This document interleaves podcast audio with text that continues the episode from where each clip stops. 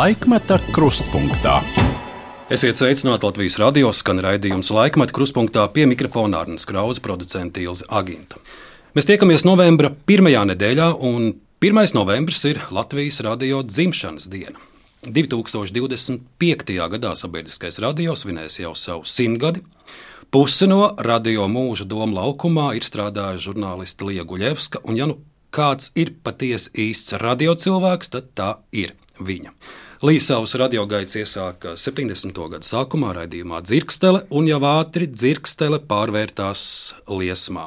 Mīlestības liesmā pret uh, žurnālistu darbu, mīlestībā pret savu klausītāju un pie mikrofona satiktajiem cilvēkiem.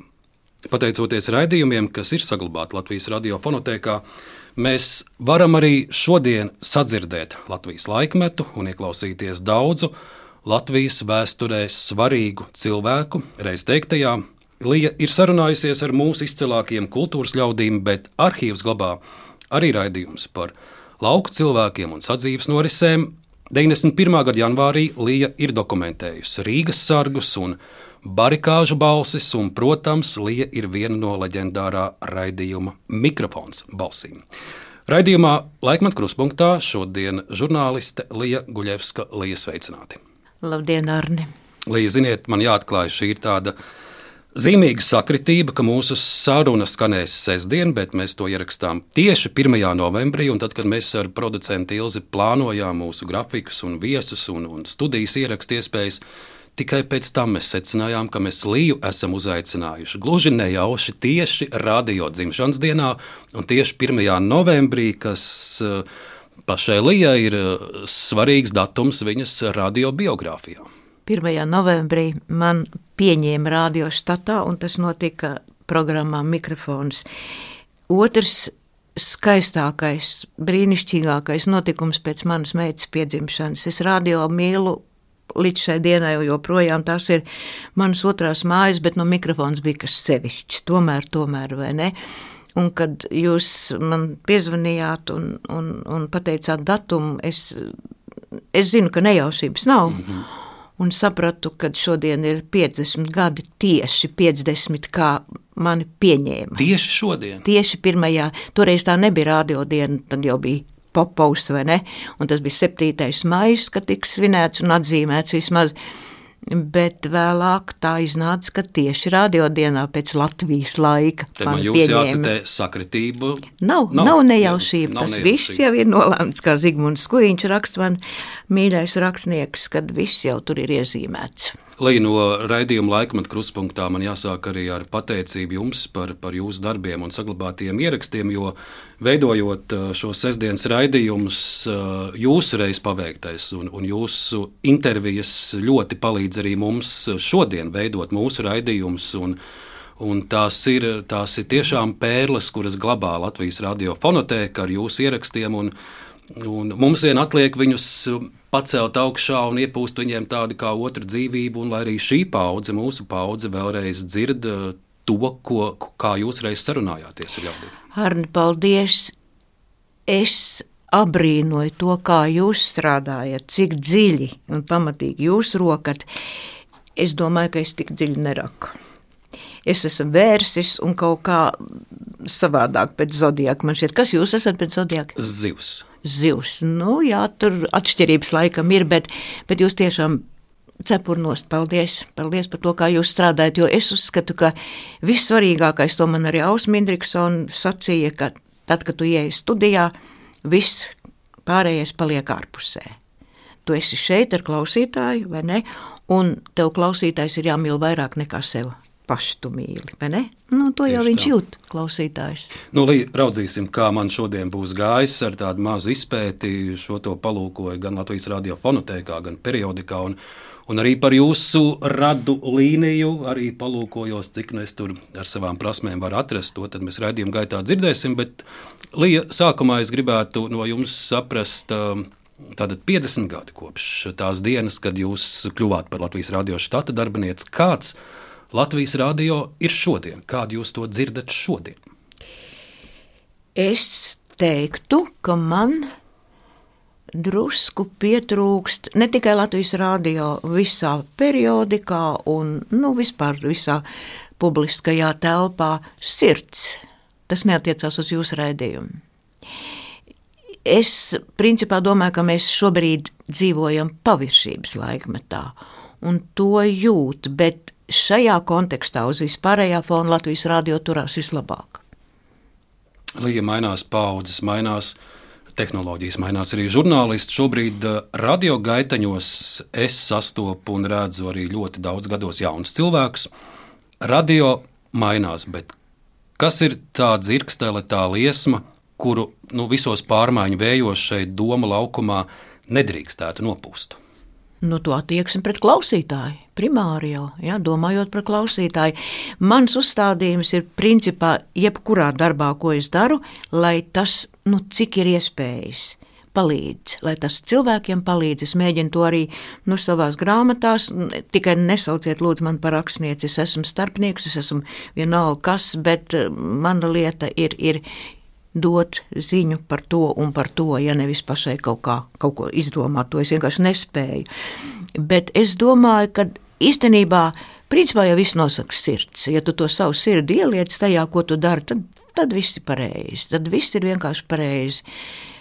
Man pat nav citu salīdzinājumu. Darīt labu un darīt to no sirds, un tad jau, tad jau, jau sadzirdēs. Un, un, jo klausītājs, nu, klausītājs īpaši jau tā paudze. Jaunajiem ir savas lietas, un rādio tagad ir ļoti daudz stacijas, vai ne? Un tas viss jau ir, ir tādā citā aizgājis. Mēs droši vien pieminēsim arī mikrofonu aptauju. Toreiz nebija konkurence, tas bija tikai viens, pie kam atļauj drusku vairāk, tāpēc, ka bija paralēla Amerikas balss, vai ne? Tā kā bija cits laiks, un cit, man patīk, kā Raimonds Pausta pirms dažiem gadiem teica man intervijā, atstāt radio tā, kā tas bija. Jo neko nevajag jaunu izdomāt. Nevajag izdomāt to, kas bija labs. Mēs nerunāsim par saturu politisko vai ne tajā aizliegtajā laikā, kā Aleksandrs Grīvs mēdz teikt. Bet vienkārši jo radio vienmēr ir strādājis nu, īstenībā no sirds. Tā Līr, es gribētu teikt. Līdz runājot par radio šodien, es gribētu dzirdēt arī jūsu pārdomas par divām aktualitātēm, kas šobrīd uh, saistās ar pārmaiņām. Pirmā ir uh, doma par uh, vienotu sabiedrisko mediju. Jūs līdzi strādājāt laikā, kad radio un televīzija bija zem viena jumta, tad atkal pašķīrās. Tagad atkal ir, ir plāns un, un apņēmība, un jau, jau saima jau spēr pirmos soļus, ka radio un televīzija atkal būs kopā. Ko jūs par to sakat? Es nocitēšu Minhausenu frāzi, kur Harijs Liepiņš atkārtoja visbiežāk. Atļaujiet pasmaidīt. Man tiešām jāpasmaida. Viss jau bija. Es atceros, ar kādu deksmi to visu ārdīja ārā. Tad es vēl biju. Tā bija 90. sākuma. Ja? Mm -hmm. nu, to it kā varēja saprast. Mainās valsts, ir atkal atguvusi neatkarību un kaut ko grib mainīt, un kaut ko dikti patstāvīgi arī, arī, arī mēdī vai ne. Nu, tagad es ar smaidu skatos, kā to visu atkal grib apvienot. Man nav viedokļa. Ir viedoklim jābūt tiem cilvēkiem primāri, kas strādā šajā jomā Un, ja tas kaut kādā veidā atvieglo kaut kādu komunikāciju vai kaut kādu vadošo, bet, bet, bet principā man nav viedokļa. Es neredzēju jēgu jau tad, kad viņi ārdīja ārā. Un otrs stāsts līja nopietnas stāsts un nopietna diskusija šobrīd, vai sabiedriskajos mēdījos ir jāskan krievu valodai, vai Latvijas rādio ir jābūt Latvijas rādio 4. Mēs arī pazīstam daudz kolēģis no šī kanāla. Marina Kostaņecka tur daudz gadu strādā, Protams, daudz citu. Un Latvijas televīzijā ir jābūt LTV 7 ziņām Krievu valodā, Krievu valoda sabiedriskajos mēdījos. Mans uzskats ir, ka Latvijas valstī kura ir Latvijas valsts, kur ir valsts valoda, latviešu valoda. Tiem cilvēkiem, kur grib šeit dzīvot, ir latviešu valoda, pat ja viņi viņu nezina spoži, bet ir jāsaprot.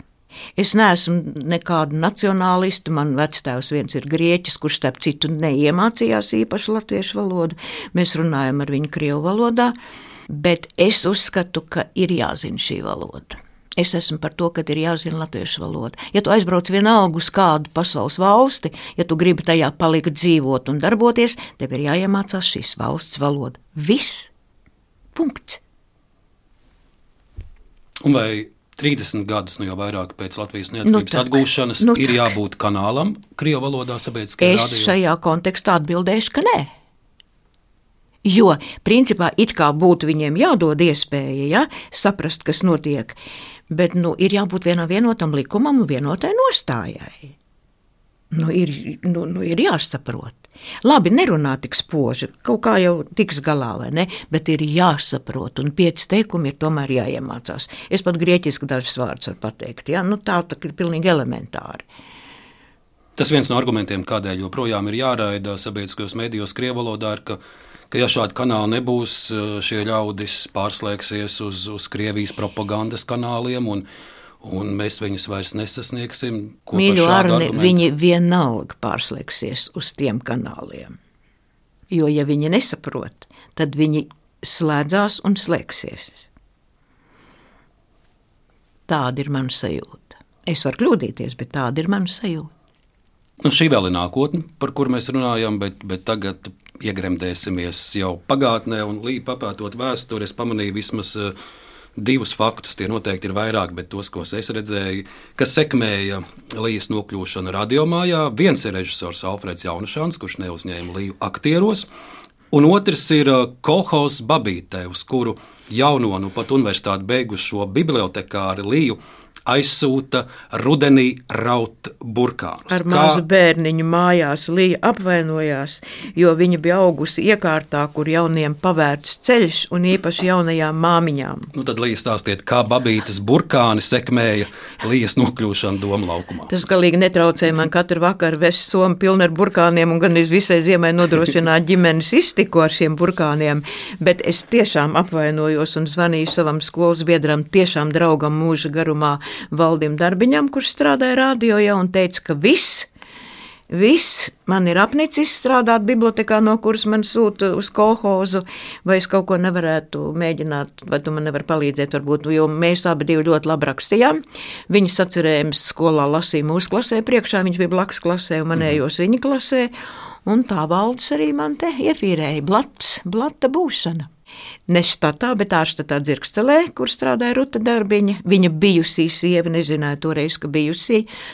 Un tā es nonācu pie Ričarda Labanovska, un es domāju, ka tas ir mans pirmais un vienīgais skolotājs žurnālistikā, jo es tiešām esmu beigusi bibliogrāfs. Ja, jāmin tie paši pirmie skolotāji. Viens vārds, kurus gribu šodien arī pieminēt, ir Asma Luika, kas bija 50. Jā. vidusskolas literatūras pulciņa vadītāja. Arī viņai bija sava loma, ka, ka izvēlējās uh, to ceļu, pa kuru aizgāja radio, interesēties par literatūru, par, par kultūru, aktieriem, par, aktieriem. par teātri, jā, brīnišķīgi. Par smilģi. Par smilģi, jā, mūsu skola bija, ne, otrā dailes teātris bija mūsu skolas šefi, uh, Un man liktenis bija lēmis mācīties vienā klasē ar teātra direktoru Jāņu Palkaunieku meitu Dzintru, un bieži viesi bija mūsu skolā teātra gan režisori, gan aktieri, īpaši Mudīts Šneider, kur pat bija beiguši šo skolu, un Harijs Liepiņš, un tas viss tā tur aizgāja, kad, nu, brīnišķīgas atmiņas, un es vēl šodien saku paldies par to visu. Lija, ja par pašu, pašu pirmo publikāciju, Un, un pirmajiem soļiem žurnālistikā, tad, cik es redzu, tie pirmie soļi ir presē, nevis radioviļņos. Un varbūt tā ir vēl kāda, bet pati pirmā jūsu preses publikācija, ko es atrodu, ir 1966. gadā Padomu jaunatnē. Un raksta nosaukums ir Pārvērtības, un to ir parakstījusi tā, tad, Latvijas Valsts Universitātes vēstures un filozofijas fakultātes pirmā kursa studente Lija Kukuvasa. Un liekas, mazs maz citāts arī no šī raksta šodien, nocitēšu. Tas bija pavisam nesen Raina simtās dzimšanas dienas priekšvakarā, lai uzzinātu ko vairāk par dzinieku darbību Dāļas teātrī. Kultūras nama draudzība teātra draugu uzdevumā devos pie Eduarda Smilģa. Nevarētu sacīt, ka es būtu nobijusies, bet savāds satraukums tomēr bija. Un tur jau nāca pats meistars. Viņš lēni kāpa pa kāpnēm un cieši, cieši raudzījās manī. Savādi, bet satraukums pazuda. Siltums, ko izstaroja šis skatiens, lika aizmirst visu pārējo. Un vēl maz citāts no raksta noslēguma. Mēs drīz atradāmies, viens viņš paliek savas mājas dārzā. Toreiz vēl nezināju, ka paies nedaudz mēneši, un Eduarda Smilģa vairs nebūs mūsu vidū. Tā bija mana pēdējā satikšanās ar viņu. bet atkal un atkal man jāatcer šis vakars, ir jādomā par Eduardu Smilģi un jādomā tas pats, kas toreiz, vēlīnajā septembra vakarā. Cik daudz mums jādara lielā mākslinieka piemiņas labā. Fragments no 66. gada publikācijas, un es šo izlasot, biju pat nedaudz pārsteigts, ka, ka tajos Jāsaka, arī cenzūras un tumšajos gados vienai pirmā kursa studentei ļauj aprakstīt smilģi kā nevarīgu, kā aizmirstu, kā, kā dzīves smagumu sagrautu. Līdz kāds ir šis stāsts? Man toreiz pašai bija uzstādījums. Skolas biedrs Imants Pijolis jau strādāja padomu jaunatnē, arī mūsu literārā pulciņa biedrs. Un es viņam teicu, viņš man pasūtīja šo rakstu, zinot visu, kā mums bija attiecības skolai ar smilģi un īpaši, nu, man tā diezgan īpaši pat vēl. Un es viņam teicu, vai nu tu publicēsi, vai nē. Ja liek ņemt kaut ko ārā, es neesmu ar mieru. Ja var, tad jā, nu, nopublicēju tiešām kā brīnumu. Un šis datums kļuva par fatālu manā turpmākajā dzīvē, jo arī man pirmais raidījums radiofonā, tā bija muzikālā dzirkstele, noskanēja Smilģa dzimšanas dienā par menuetu. Tā kā jā, jā Smilģis ir līdz šai dienai man tāda fatāla personība, un, un nu, nedzimst tādi. Tādi brīnumi nedzimst, nedzimst, nedzimst, pat pa simts gadiem reizi nedzimst. Un tagad man drīz būs adventa laikā, nākošās grāmatas atvēršana, Jumavā grāmatā apgādā, un es viņu nosaucu par sirdspūkstiem, par sirdi, kā par garīgu vērtību. Tur es ar tādus mīļus cilvēkus, protams, sarunājos ar viņiem, un viens no, ir, viens no viņiem ir Mudīts Šnēdera.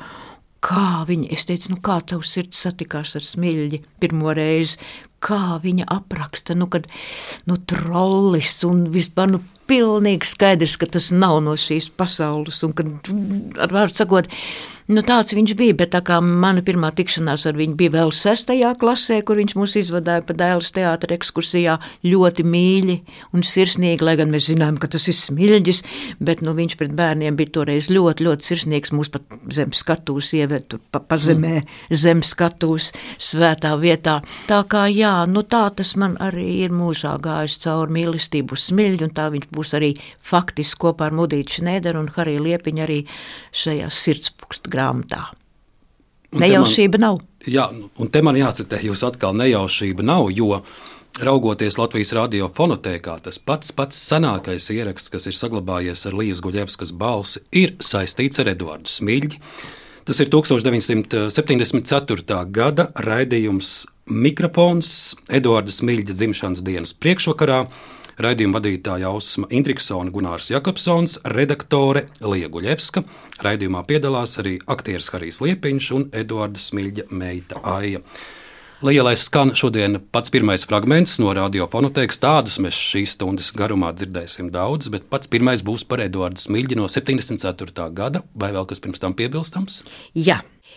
Tad, kad man nosēdināja svinīgi pie Gunāra Jakobsona memoriālā galda, tad tur bija tāds milzīgs skaists tāds uzraksts zem stikla, īsprāts, garš materiāls. Visa mikrofona redakcija īsināja šo sižetu par smilģi, jo tas bija apmēram 11 minūtes. Tas bija kaut kas neticams priekš mikrofona un visi īsinot noīsināja līdz sešām minūtēm, kas arī bija neticams priekš mikrofona, un tomēr palika, un tā es lēnām ievazāju garākus sižetus, bet pirmais tiešām bija par smiļģi, jo man ir vēl tāds fatāls teikums, ka tikai Harija Liepiņa dēļ es kļuvu par žurnālistu, lai tiktu viņam tuvāk, un tā arī bija, un mums bija ļoti laba saskaņa nu, kas saka, visu mūžu garumā, un tā turpinās tagad ar Mudītu Šnēderu. Tā kā jā, es labprāt paklausīšos. Mikrofons 74. Eduarda Smilģa pēdējais rudens atnāca kluss un mierīgs, dabā, bet ne lielā meistara dvēselē, kas nespēja samierināties ar sevi bez teātra. 1965. gada septembra vakarā man bija izdevība ciemoties pie Smilģa viņa vecās mājas dārzā Pārdaugavā. Runājam, protams, par teātri, Dailas teātri un Raini, un savādi. It kā nebūtu šo tukšo gadu bez smilģa, it kā tas būtu vēl tikai vakar, es pat dzirdu režisoru balsi intonāciju, kad viņš saka: Lūdzu, esiet laipni un padomājiet atšreiz par Raņa vārdu. to vārdu, ja ne šodien, tad viņi minēs visās zemēs, un viņi varēs visas tautas izrunāt. Tas ir Rainis. Mākslinieku mājā pie sienām daži portreti, kas rāda smilģi viņa lomās - Pērs Gints, Hamlets, Otello, afišas, afišas un putekļi. Kā pārmainās acis, tagad tās ir skumji un sāpju pilnas. Tā tad tāda ir vientulība. Viens vecs atmiņu vidū, dārgas atmiņas un pelēki putekļi. Edvards Smilģis lūkojas afišā, kas vēstīja par viņa 50 gadu jubileju. Lauri. Tad it kā pamostas un klusi vedina man tālāk. Šeit ir mana svētākā vieta, skatuve, viņš saka, un atkal pārvērtība. Tagad tās ir trakulīgas uguntiņas, kas dzirkst smilģi acīs, kad viņš stāsta par Dailas teātra dibināšanu, par skatuvu mākslinieku templi, par dzīvības un nāves nesaraujamo saistību, par mākslinieku personības tapšanu. Jā, un par neapturamo laika ritējumu. Laiks tas nav apstādināms. Salīgst režisora pleci, kad viņš klusi, tikpat kā nedzirdami saka. Es nebūšu ilgi vairs Dailas teātris. Kāpēc? Tad es pārliecinājos, ka faktiski ir viena ļoti liela traģēdija. Tā es to biju domājis. Dariet visu, ko jūs atrodiet par vajadzīgu. Grūti aprakstīt un pateikt tās jūtas, tās atmiņas tur ir iekšā. Un tad atkal nekas. Bet man bija plāns, izstrādāts, pārdomāts, dziļi pārdomāts. Kādam ir jābūt, ja būtu jābūt teātrim. Es nebūšu ilgi vairs Dailas teātris. Mikrofons 74 un Līja.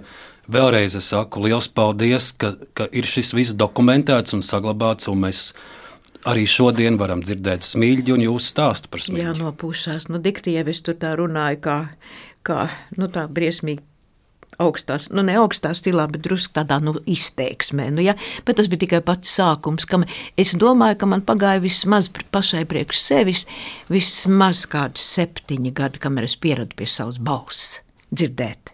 Lēnām, lēnām, lēnām, protams, arī drusku mainījās.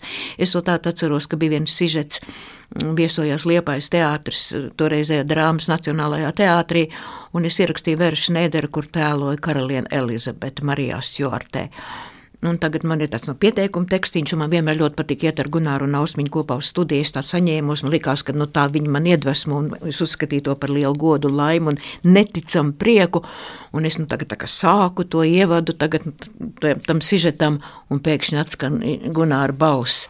Pietiks jau ar vienu karalieni, nevajag divas. Tas bija uz mūžu. Labi, ka es nesāku raudāt, Ausmiņa tā kā nomierināja. Un tad, un es domāju, ka no tā brīža es arī sāku mazāk izteiksmīgi runāt. Līja jūs pieminējāt Ausmu Indriksonu un Gunāru Jakobsonu, un laiks arī dzirdēt viņu balsis. Diemžēl no tiem 70. cik es raugos radioarkīvā, nekas ļoti daudz nav palicis. Toreiz laikam tās lentes nemaz tik daudz nebija un rakstīja pa virsu, vai Jā, arī, virsū. vai arī nebija tā, mm -hmm. tā, tā sajūta, ka tas viss ir nākamām paudzēm jāsaglabā. Nav daudz ierakstu no 70. gadiem. Nākamais, ko es atrodu, ir no 1978. gada mikrofona. Un, Tobrīd mikrofonam ir 13 gadu un tiek veidots 13. gada jubilejas raidījums. Tajā piedalās arī Ausma Indriksona, Gunārs Jakobsons, Līja Jūs, arī Vizma Apolona, Ruta Miska, Kārlis Grimbergs, Margarita Melngēla un citi kolēģi. Jā, viss komanda man bija jātaisa tas raidījums, atceros. Jā, jā un tādēļ mm -hmm. es izvēlējos, un no šī raidījuma pat būs vairāki fragmenti. Un tas pirmais būs par pašiem, pašiem mikrofona sākumiem. Šeit mēs dzirdēsim arī Nikolai Nēlandu kurš bija viens no šī raidījuma arī idejas autoriem. Es saprotu. Jā, es saprotu, viņš arī pirmais un priekšnieks bija. Fragments no 78. gada raidījuma mikrofons.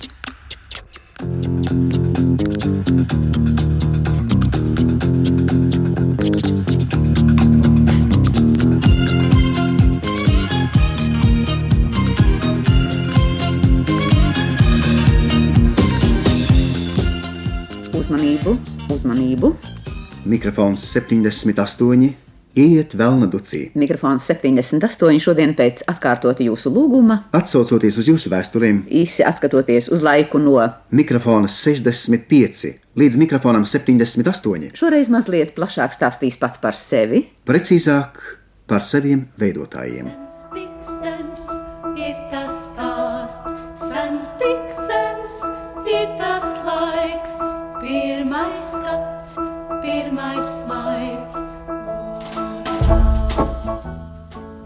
PSRS preses aģentūras Novosti biroja vadītāja Stokholmā Nikolai Neilanda speciālziņojums no Zviedrijas. Ko jūs jutāt tajā brīdī, kad laidāt tautās mikrofonu 65? Nav ko slēpt, ka tajā brīdī es drustīti nervozēju. Jā, es biju, ne tikai es, bet es domāju arī visi kolēģi savā ziņā uztraukušies un norūpējušies, nu kā tad mums ies. Atklāt sakot, es pat nedomāju, ka mikrofonam būs tik liela panākuma, kāda mikrofonam ir bijuši un šai pašai dienai. Nikolajam Neilandam jādomā pievienojas mūsu klausītāja Mirza Striška ozolniekos, pirmā iniciatora šī raidījuma tapšanai. Vita Rozenberga no Bulduriem, Apolonija Žagare un Valda Baloda Skaistkalnē, Mūsu vecmāmiņa no mazās jūgliņas krastiem, mūsu dobelnieku un auguļu mātes, Aivars Skanders, vecpiebalgā, Pēteris Klucis Tukumā, Uģis Segliņš Rīgā, Ņipras puisis, kurš mums raksta saturīgas un interesantas vēstules. Zaļais kalns māte un miežu ģimenes salaspilī Mirdzā Canovska un Laimdot Krūmiņa, Rita Kristīņa, Guntis Bērziņš Klausītājs Sproģe, Stremjādīs Siliņš Laksdiņa. un daudzi, daudzi citi. Redakcijas vārdā mīļš paldies jums par uzmanību un atsaucību mūsu darbā. Tāds ir pirmais fragments. Pats pirmais, kas man pārsteidz, ir, ir tā saucamie jingli, jeb signāli. Nu, man liktos, tā laikā tur kādas kokļu skaņas vai, vai kādas ģitāras trinkšas, bet es te dzirdu Bonijēmu skaņu. Absolūti, jā. Ļoti moderni Galviņi. priekš 78. Jā, jā. gada. Katru gadu mainīja mikrofonu galviņu. Mēs visi tā kā klausījāmies, kādu mūzikas redaktoru piedāvāja. Tur bija vairāk varianti, un ko visi kopā pieņēma un nosprieda, tad tā arī skanēja. Bet, bet vispār es tā tagad klausos un domāju, mīļais Dievs, šogad, novembra beigās, pēdējā dienā, šodien ir pirmā diena. Atkal būs mikrofona aptaujas 55 gadu jubilejas koncerti. Sāksies ar Vēja kultūras pilu, un pēc tam Gorā, un pēc tam vēl un vēl. Nu, nejaušība. Arni, nu kas tas ir? Brīnums. Tādas Tā jau mēs te šodien neaptveram. sarunā esam vairāk piefiksējuši. Jā. Bet, bet ja reiz runājam par uh, mikrofonu un pašiem sākumiem, mēs dzirdējām Nikolai Neilandu. Arī viņa personība varbūt uh, Latvijas vēsturē ir dažādi vērtēta, arī viņa periods uh, Zviedrijā un, Protams, un, jā. un kādēļ viņš no turienes tika izraidīts. Par mikrofonu, protams, mēs runājām kā par aptauju, par mikrofonu kā sava laikmeta ļaužu dokumentētāju, bet uh, mikrofons bija savā veidā arī, arī, protams, es nezinu, vai mikrofons bija zem propagandas Ko, redakcijas. nē, viņš bija, viņš bija ārzemju raidījuma redakcijas Ārzemju ietvaros. redakcija. Principā es domāju, ka viņš bija kā kontrapropagandas raidījums, jā, lai neklausītos Amerikas balss. Kad es sāku nav strādāt, ko slēpt, jā, nav ko faktu, slēpt, jā. jā, protams, tā viņš arī tika, tika nodibināts uz tādas bāzes, un tieši tāpēc viņam atļauj druscīt vairāk nekā citiem, lai piesaistīt uzmanību. Un tad man patīk tas teikums, džinu izlaid no pudeles un atpakaļ, nu tā kā īsti vairs nevarēja dabūt, jo, jo Amerikas balss mainīja laiku, mikrofons ar no septiņiem, aiz, ne, no 20, 15 laikam atkal aiz- atkāpās uz septiņiem. Tā kā tas viss tā bija, bet tieši tāpēc arī viņam atļauj drusku vairāk. Jā, tā Jā, bet līdz daudz to mikrofonu nav saglabājušies, bet tas, ko es eh, saprotu un sadzirdu, protams, bija intervijas un aktieri un mūzika skanēja. Un lauku bet- cilvēku, un, un lauku cilvēki, rūpniecību, un vēstuļu raidījumu, un politiskie Un komentāri, politiskie un komentāri, sports. un starptautiskie komentāri, Jā, jā, jā, jā, jā, jā, tas jau viss bija tajā, Jā, tajās līnijās. tajā mērķē, kā vajadzēja. Kā, kā Maskavai protams, vajadzēja. protams. Kāds bija šis protams. balans, tik cik vajadzēja, lai būtu ideoloģijai, un tik cik, lai Nu, principā bija stipri tā ideoloģija, arvien vairāk sarāvās mums, ja, jo arvien vairāk mēs gājām uz to otru pusi, un to jau arī pierādīja tās mikrofona aptaujas dziesmas un cīņas par šo dziesmu vārdiem, un arī bija, ka mēs, ne, mēs, nepanācām to, ka varētu spēlēt trīs runči. Var No cenzūras, kas jums ir bijis sāpīgākais, ko cenzors saprata? Te bija atsevišķs kabinets, kur sēdēja Jā, jā, jā, cilvēks, ceturtā stāvā kuriem viss teksts vajadzēja Jā, atrādīt. visu atrādīt, Kas bija prātā, un par ko jums bija sāpe, ka, ka ņēma un, un izgrieza vai izstrīpoja? Man bija sāpe, ka es biju aizbraukusi uz Rūjienu un ierakstījusi Rūjienas muzikas skolas skolotāju Siliņu. Un ārkārtīgi jauku uztaisījusi sižetu par šo skolotāju, kura klasē, visparastākajā klasē, ne muzikas skolā pat, bērni dziedāja četrās balsīs. Un tad, kad viņš bija plānots uz otrdienas mikrofonu, pirmdien tas tika atrādīts no tur priekšniekiem, tad atnāca mūsu priekšnieks no lielās sanāksmes un pateica, ka siliņš ir izmests. Kāpēc? Tāpēc izrādās, ka viņš to jau zināja, ne jau es to zināju, vai ne? Ir autors leģionāra dziesmai palicis sveiks mans mazais draugs. Mm. Tur neko nevarēja izdarīt. Sižets tika izmests. Es ilgi stāvēju cenzoram, mēs viņu saucām par cenzoru, blakus eh, cīnoties par to, lai paliek mans teksts raidījumā, ka Latvijā valdošie ir rietumu vēji, jo tas teksts bija no grāmatas daba. Un, un, un, man liekas, zeme un daba, un tas bija apstiprināts.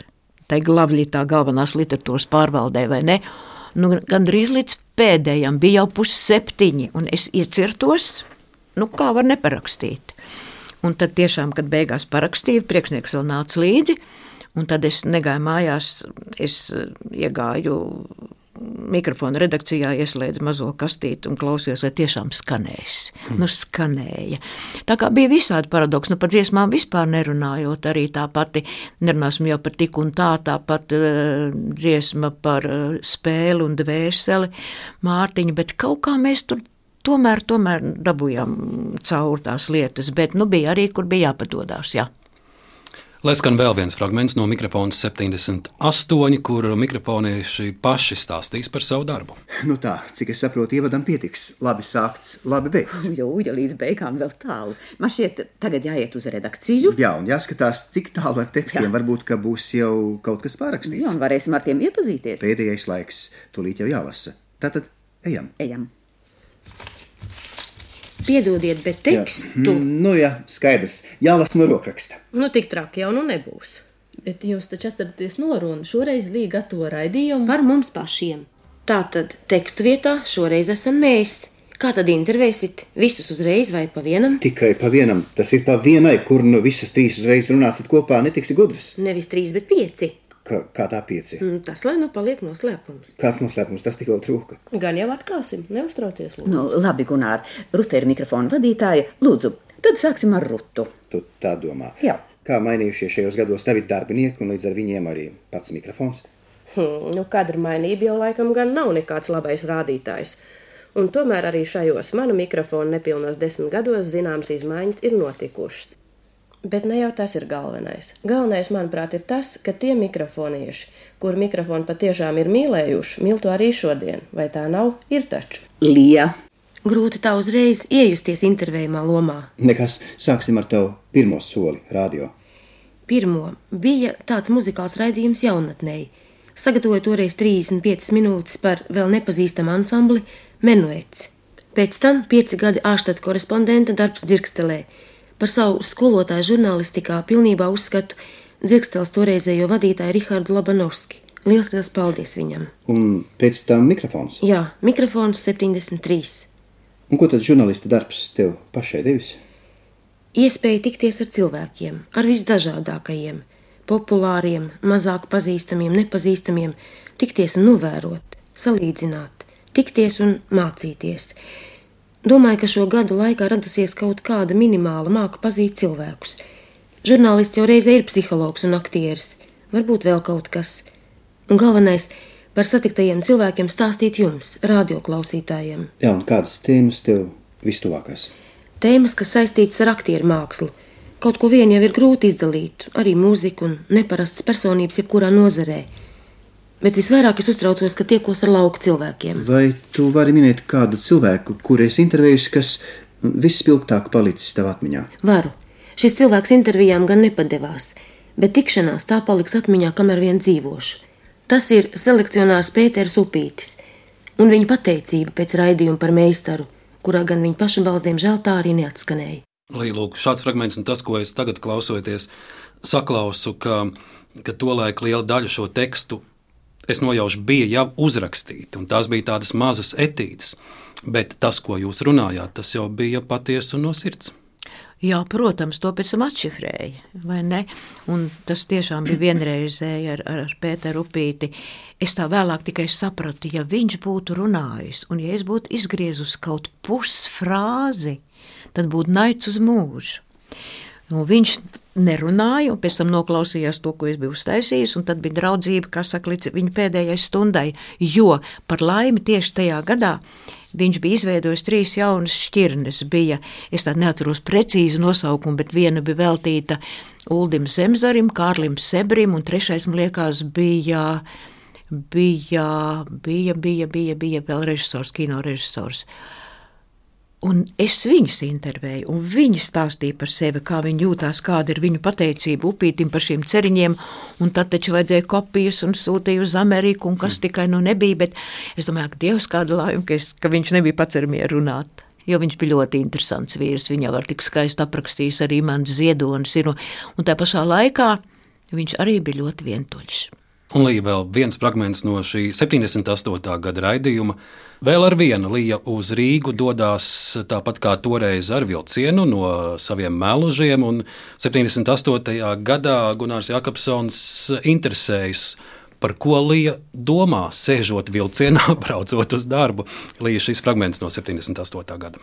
Ko tu domā, kad no savas jūrmālas brauc uz darbu un atpakaļ uz mājām? Var tiešām nodoties domām. 45 minūtes turp, 45 atpakaļ. Tas mūsdienās nemaz nav tik maz domām atdots.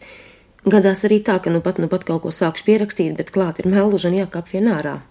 Tavs vaļas prieks un, un attiecības ar modi.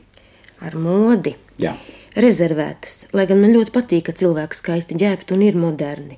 Vaļas prieks – Vienā teikumā no rīta līdz vakaram teātrī, otrā teikumā salīdzinoši tik maz tomēr es redzu savu bērnu, ka tikšanās ar meitiņu negribot jau sāk pārvērsties par vaļasprieku.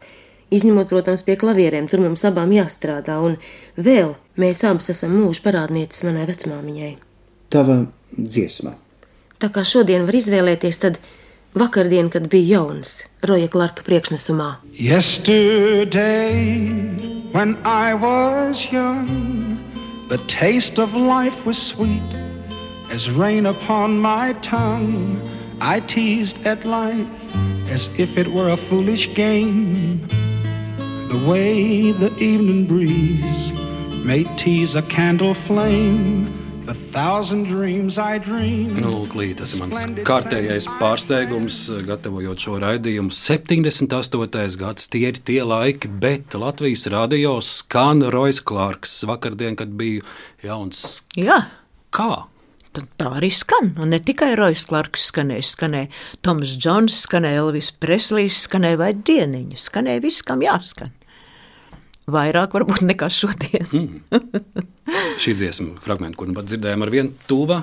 Jā, ja es tagad to teiktu, tad varētu saprast, toreiz man bija drusku mazāk gadi, bet vienalga man kaut kā ļoti, ļoti uzrunāja šī dziesma, jo principā Rojas Klarks jau ir tāds country dziedātājs, kas vairāk velk pat drusku humorīgām tādām dziesmām, joku dziesmām, bet, bet šo viņš izpilda tik ārkārtīgi emocionāli, un tagad jau YouTube, protams, es ik pa laikam uzlieku paskatos, ne tikai paklausos. Tā kā tā, jā. Un droši vien YouTube nevienu Roja Clarka, nu, nevienu vienu Rēmonda Paula dziesmu arī, klausās. Arī, protams, protams, es uzreiz varu pateikt, ka pirmā tā noteikti būs Čakārnītis. Visam Belševits. Jā. Un Latvijas radiofonoteka arī ir saglabājusi vienu no jūsu pirmajām intervijām ar Raimonu Paulu. Tādas gadu garumā, protams, ir daudz, un es vēlreiz teikšu paldies, jo mūsu Pats pirmais raidījums laikmet kruspunktā sākās ar Raimonu Pauli. Jā, es nezinu, kāds tas raidījums būtu bijis, ja nebūtu līdz uh, reiz veiktie ieraksti ar maestro. Un, uh, viens, uh, Tur varbūt tā skaņas kvalitāte nav tā labākā, bet, bet tas pat nav tik svarīgi kā pati šī saruna. Būs nākamais fragments no mikrofona 80. Maestro Pauls ir atgriezies no pat no brauciena pa Franciju. Viņš ir iztaigājis Parīzes ielas.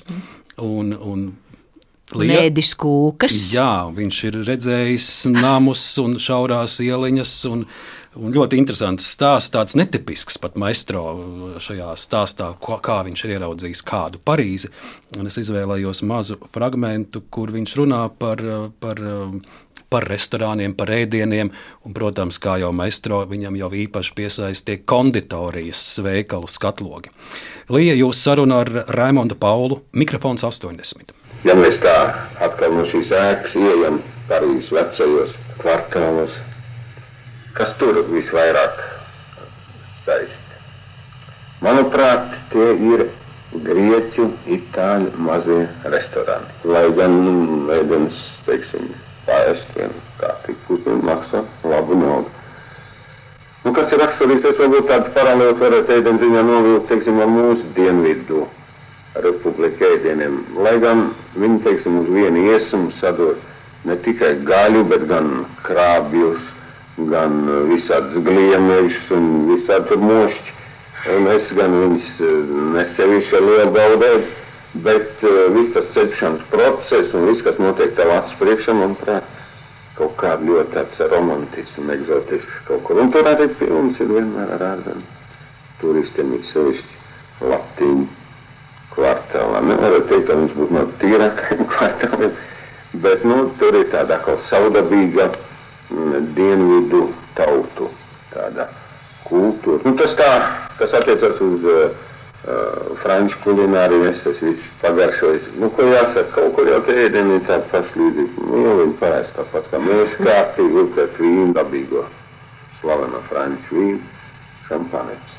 Un, zinām, mērā ir tāds Francijas simbols, tas maksā restorānos ļoti dārgi. Un iedzert glāzi šampani, tas jau skaitās tā, tāds labs tons, bet vīnu dzer visi. Nu, mani jau dabīgi piesaistīja arī nu, konditoris izstrādājumi. Es mierīgi paiet garam šiem veikalu skatlogiem nevar nekad. Tā, maestro. Nu, lūk, 80. gads un šī jūsu saruna, es domāju, arī ļaudīm Latvijā vismaz iztēlē palīdzēja nokļūt Parīzē un Parīzes ieliņās un, un, un sajust pat uh, kādu restorānu smaržu. Jā, smarža noteikti. Garša varbūt ne tik ļoti, bet smarža noteikti. Jā, brīnišķīgi. Lai gan interesanti, kas attiecas, es tā domāju pat par sevi, man nekad, man ārkārtīgi patīk franču literatūra, bet man nekad nav gribējies nonākt Parīzē, un man nav izskaidrojumu. Man nav tam izskaidrojumu. Man mīļākā vieta uz zemes ir, ir, ir Venecija, man tur ir laimējies atkārtoti būt. Protams, man vectēvs sala Kalimnosa. Nu, ļoti daudz vietas, jā, bet Parīzē kaut kā neinteresanti arī, vai ne? Un iemeslu man nav. Ko jūs varat paskaidrot? Līja par tām mīļajām vietām noteikti viena no mīļākajām vietām jūs ir arī radiomāja un radiomājas foajē un lielās kāpnes. Mums līdz šobrīd būs maza pauze jāieliek šajā raidījumā, jo ir 1. novembris, un 1. novembris, kā jau mēs iesākumā minējām, ir svarīgs datums arī Lijai. Aprit 50 gadi kopš darba līguma parakstīšanas ar radio, un Līja šodien radio ļaudis sumina arī tos, kuri visu savu darbu mūžu ir devuši radio mājai. Līja mums šobrīd ir jādodas lejā, foijē, jo radio ļaudis vēlās arī šodien jums teikt paldies. Un tad pēc maza pārtraukuma mēs atkal laikmetu kruspunktā atgriezīsimies. Jums ožamais spirts ir? Būs. Līdz dodamies uz radiofājiem. Un klausītāji pēc īsa brīža mēs atkal tiekamies.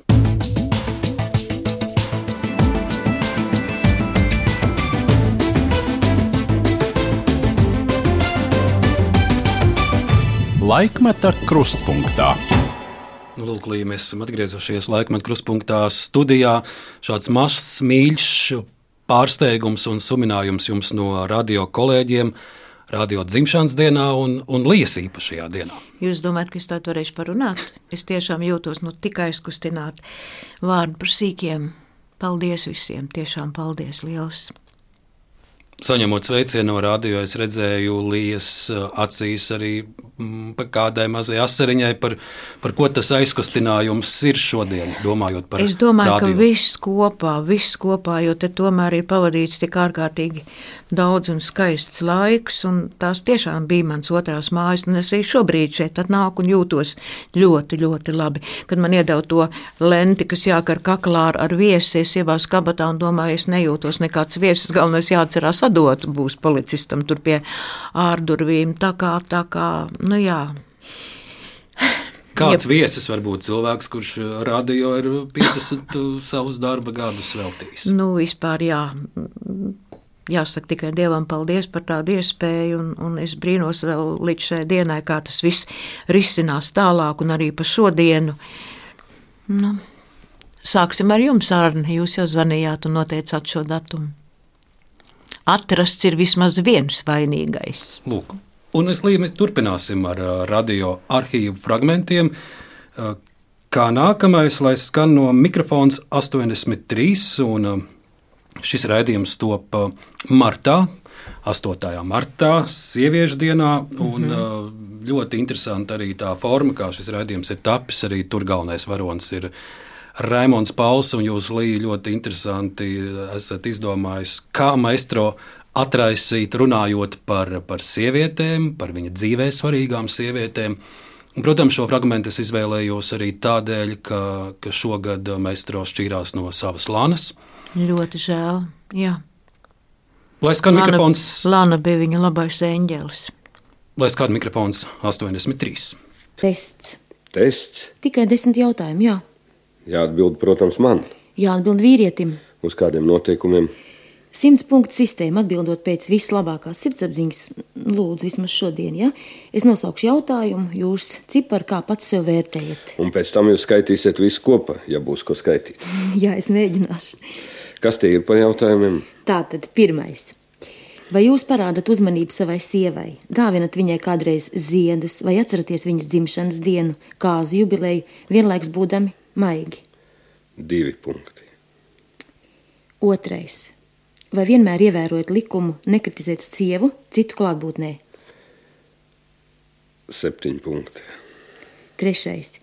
Vai bez naudas saimniecības vajadzībām viņai dodat arī summu, kuru tā drīkst tērēt pēc saviem ieskatiem? Deviņi punkti. Vai jūs pūlaties saprast viņas mainīgo sievietes garstāvokli, palīdzat viņai noguruma un sapīkuma brīžos? Nulle. Vai pavadāt ar sievu kaut pusi no sava brīvā laika? Viens punkts. Vai atturaties no salīdzinājuma, kā gatavo ēdienus jūsu sieva un kā tos gatavo jūsu ģimenē līdz jūsu kāzām? Desmit punkts. Vai jūs izrādat zinām interesi par viņas intelektuālo dzīvi, grāmatām, kuras viņa lasa, viņas uzskatiem attiecībā uz dzīves problēmām? Nulle. Vai jūs ļaujat viņai dejot ar citiem vīriešiem, tāpat saņemt no viņiem draudzības apliecinājumus no savas puses, neizsakot greizsirdīgas piezīmes? Astoņi punkti. Vai vienmēr izmantojat gadījumu, lai viņu paslavētu un izteikt viņai savu brīnu? Viens punkts. Vai pateicaties viņai par nelieliem pakalpojumiem, piemēram, pogas piešūšanu, nošu sakārtošanu un tam līdzīgi? Viens punkts. Tā, tagad saskaitīsim kopā, vai, vai varbūt labāk neskaitīt. Es domāju, tā ar vienu noteikumu, lai visi vīri sarēķina arī savus punktus un atsūta. Un tad mēs paskatīsimies, kādi nu mēs esam. Labi.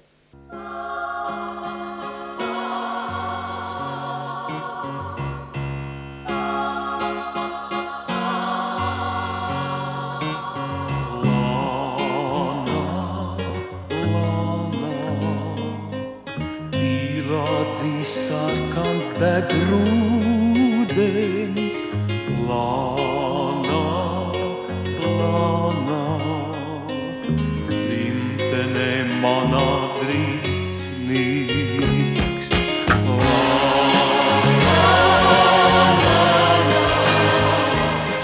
Lāna Lāna. 1983. gads mikrofons, eh, un te mēs arī dzirdējām maestro izcilo humoru, vai, vai toreiz bija viegli viņu pierunāt uz šādu mazu avantūru. Nu, tā nebija tāda klasiska intervija kā pierasts. Tā principā bija diezgan liela avantūra, jo viņš jau man bija kā diktors, kurš lasīja Regīnas ezers teksts par sievietēm un par mīlestību. Un tad pa vidu bija šī it kā nelielā intervija, bet nu Raimons ir Raimons un tie punkti īstenībā noteikti ir daudz augstāki. Ne, viņš jau neies atklāt, kuram katram mm. tā kā Lana bija viņa labais eņģelis, un mēs varam pateikties tikai Dievam, ka viņam tāds bija. Žēl bez gala, ka viņa ir aizgājusi, bet gudri cilvēki saka, ka no tās puses mums mūsu mīļie palīdz vēl vairāk, jo viņi tur ir stiprāki. Nu, to mēs nezinām, bet ir pamats ticēt gudriem. Un prieks ik reiz, kad es esmu šeit radio. Tas nav tāda reize, ka es nesastaptu maistro radio gaiteņos. Viņš ar vienu ar savu mūžīgo dzinēju turpina radīt, turpina spēlēt. Viņš eh, ar lielu aizrautību stāsta par kādu atkal jaunu dziedātāju, kur viņš ir eh, uzrunājis un par jaunu programmu. Tā tik turpināt. Lai Dievs viņam dod veselību, jo muzika ir, nu, muzika ir, ir, ir, ir viss mūzika viņam ir viss, tur nav ko analizēt pat pa punktiem. Līdosimies tālāk pa Latvijas radio fonotēkas ceļiem, un šeit mēs nokļūstam līdz lielajiem pārmaiņu laikiem, 90. gadi, un šodien viens fragments es izvēlējos no raidījuma Mājas svētība, jo tajā ir dokumentēts laiks un Latvijas vēsturei ļoti svarīgs un izšķirošs laiks. Tās ir janvāra barikādas, lai skan 91. gada raidījums Mājas svētība, un ļoti labi, ka viņš ir saglabāts, un mana paudze to var tagad arī paklausīties. 91. gads Līguļevska, Mārtiņš Vērdiņš, Mājas svētība, janvāra dienas.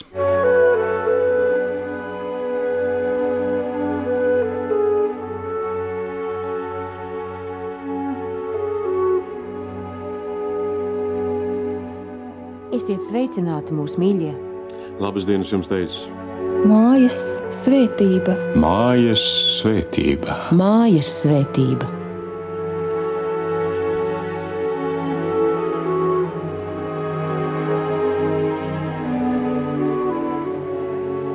Lai šodien vēlreiz pieminam tos vīrus, kuri pirmie krituši no necilvēku rokas radītām lodēm, bet kuru piemiņa nekad neizzudīs no krietna un godīga cilvēka sirdīm.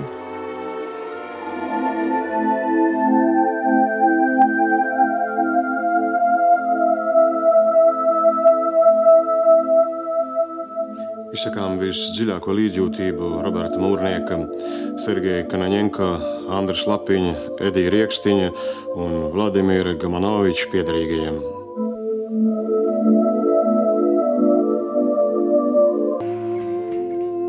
Kad pirms nedēļas milzīgās mašīnas, kas aizsardzīja radiofonā, nomainīja betona katakomba, un kādu vakaru virs tās ieraudzīja dzeloņdrāšu vijumu un koku krustu, Pirmā sajūta bija, ka nu vairs nekādam ļaunumam nav pār mums varas. Gaisā vēl šūpojās adventas vainags un lejā, lejā vīri nopietnām sejām dien dienā stundu stundā rūpīgi pārbaudīja mūsu dokumentus. Visi kopā esam aizvadījuši divas neizsakāmi grūtas, bet vēsturiski skaistas nedēļas. Kā sacīja filozofs Vilnis Zariņš, civilizācijas vēsturē tam nesot salīdzinājumu. Laika bijis pietiekami, lai izsvērtu visas cilvēka raksturojošās īpašības, bailes, pienākumu, sirdsapziņu, godu, visbeidzot gara brīvību. Arī es vispirms sevī, tad līdzcilvēkos, protams, arī savos kolēģos, un jāteic, īpaši pārsteigumu nav.